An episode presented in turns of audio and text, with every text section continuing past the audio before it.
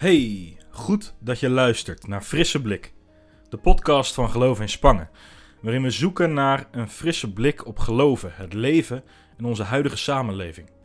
We proberen te ontdekken hoe het verhaal van God, een verhaal van hoop, anders kijken en nieuw leven, ons kan helpen in ons eigen leven, waarin de kraan soms lekt, kinderen je telefoon laten vallen en alle andere dingen die samen het leven zijn. Oftewel, een frisse blik op het echte leven.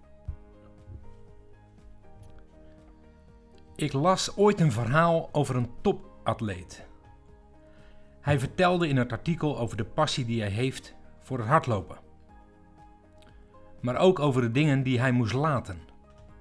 Afzien, beter gezegd. Heel letterlijk.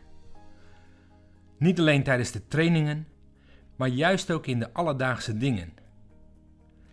Eet je hele familie lekker patat, maar heb jij je dieet en zit je aan de boontjes. En terwijl al je vrienden lekker blijven plakken op een feestje, moet jij op tijd je bed in. En dat alles voor dat ene doel. Het brengt me vandaag bij de vraag: heb jij ook wel eens het idee dat je wat op moet geven? Ergens van af moet zien? Juist omdat je alles in wil zetten voor het goede nieuws van Jezus.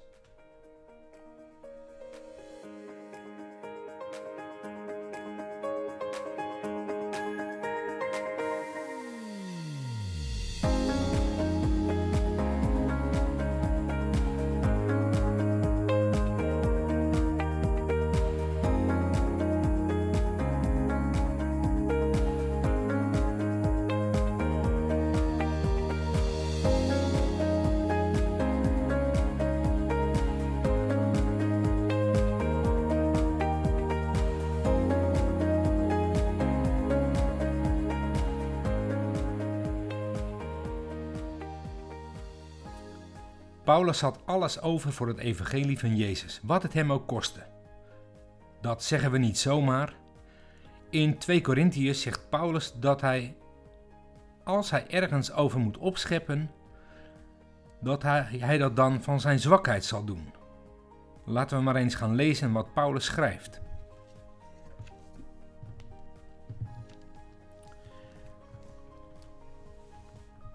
Vijf keer hebben de Joden mij zwaar gestraft met 39 zweepslagen.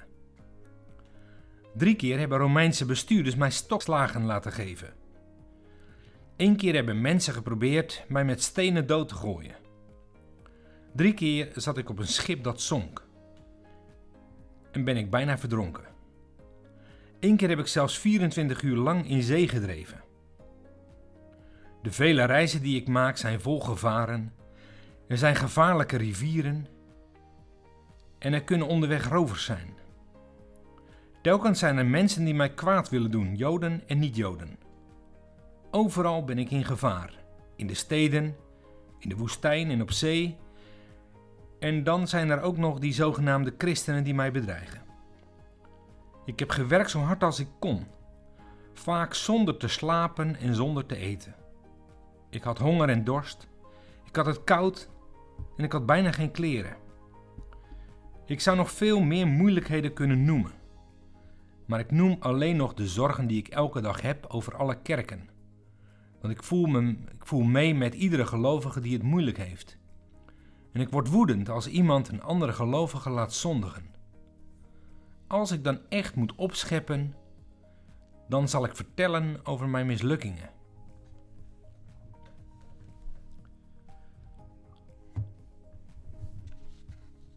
Tot zover Paulus. Het is allemaal niet niks.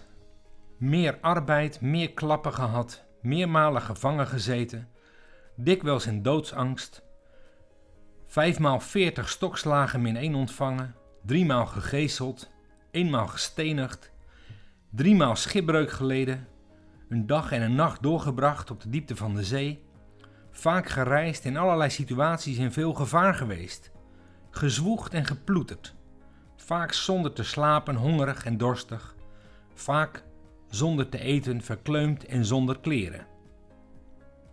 Met dit lijstje bewijst Paulus natuurlijk wel dat hij er helemaal voor gaat. Geen halfbakken werk. Als er iemand een t-shirt heeft met de tekst: Ik ga er vandaag weer voor de volle 200% tegenaan, dan is Paulus het wel. En als er iemand een lintje van God zou krijgen, dan is hij het wel, zou je denken. Paulus zelf ziet het echter helemaal anders. Als ik ergens over kan opscheppen, dan is dat over mijn mislukkingen.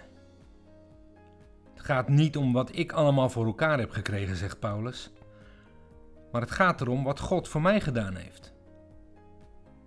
Ooit vervolgde namelijk Paulus zelf heel fanatiek de christenen. Maar hij werd door Jezus geroepen. Door een licht uit de hemel, feller door de zon dan de zon, zou hij later zeggen, waarbij Jezus zei: Ik ben Jezus die jij vervolgt. Maar kom nu overeind, sta op, want ik ben hier om jou iets te zeggen. Ik heb jou uitgekozen als mijn dienaar. Jij moet de mensen gaan vertellen wat je vandaag gezien hebt. Ik stuur je naar, een and naar andere volken toe. Jij moet ervoor zorgen dat ze anders gaan leven en kiezen voor God en niet meer voor Satan. Dan leven ze niet meer in het donker, maar in het licht. Vanaf die ontmoeting was voor Paulus één ding zeker. Het gaat niet meer om wat hij doet, maar om wat Jezus deed en nog steeds doet. Die verblindende en verhelderende ontmoeting met Jezus zette de wereld van Paulus op zijn kop en had en heeft nog altijd enorme impact. Het kostte hem veel, we lazen het. Maar het was hem alles waard, want het was gebaseerd op Jezus. Ik stel dan ook maar de vraag: heb jij Jezus ook wel eens in je leven ontmoet? Of zie je uit naar het moment dat het gaat gebeuren?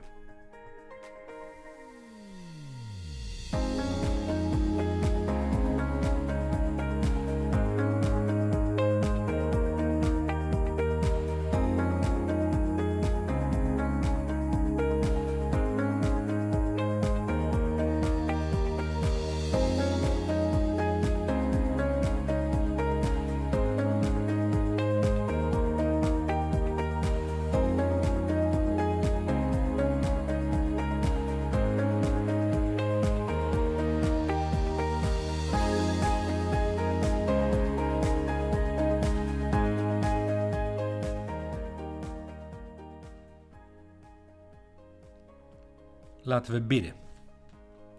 Heer Jezus, onze wereld verandert door de ontmoeting met U. Help ons in alle dingen die wij zo graag willen, om dan toch onze blik op U te blijven richten. Amen.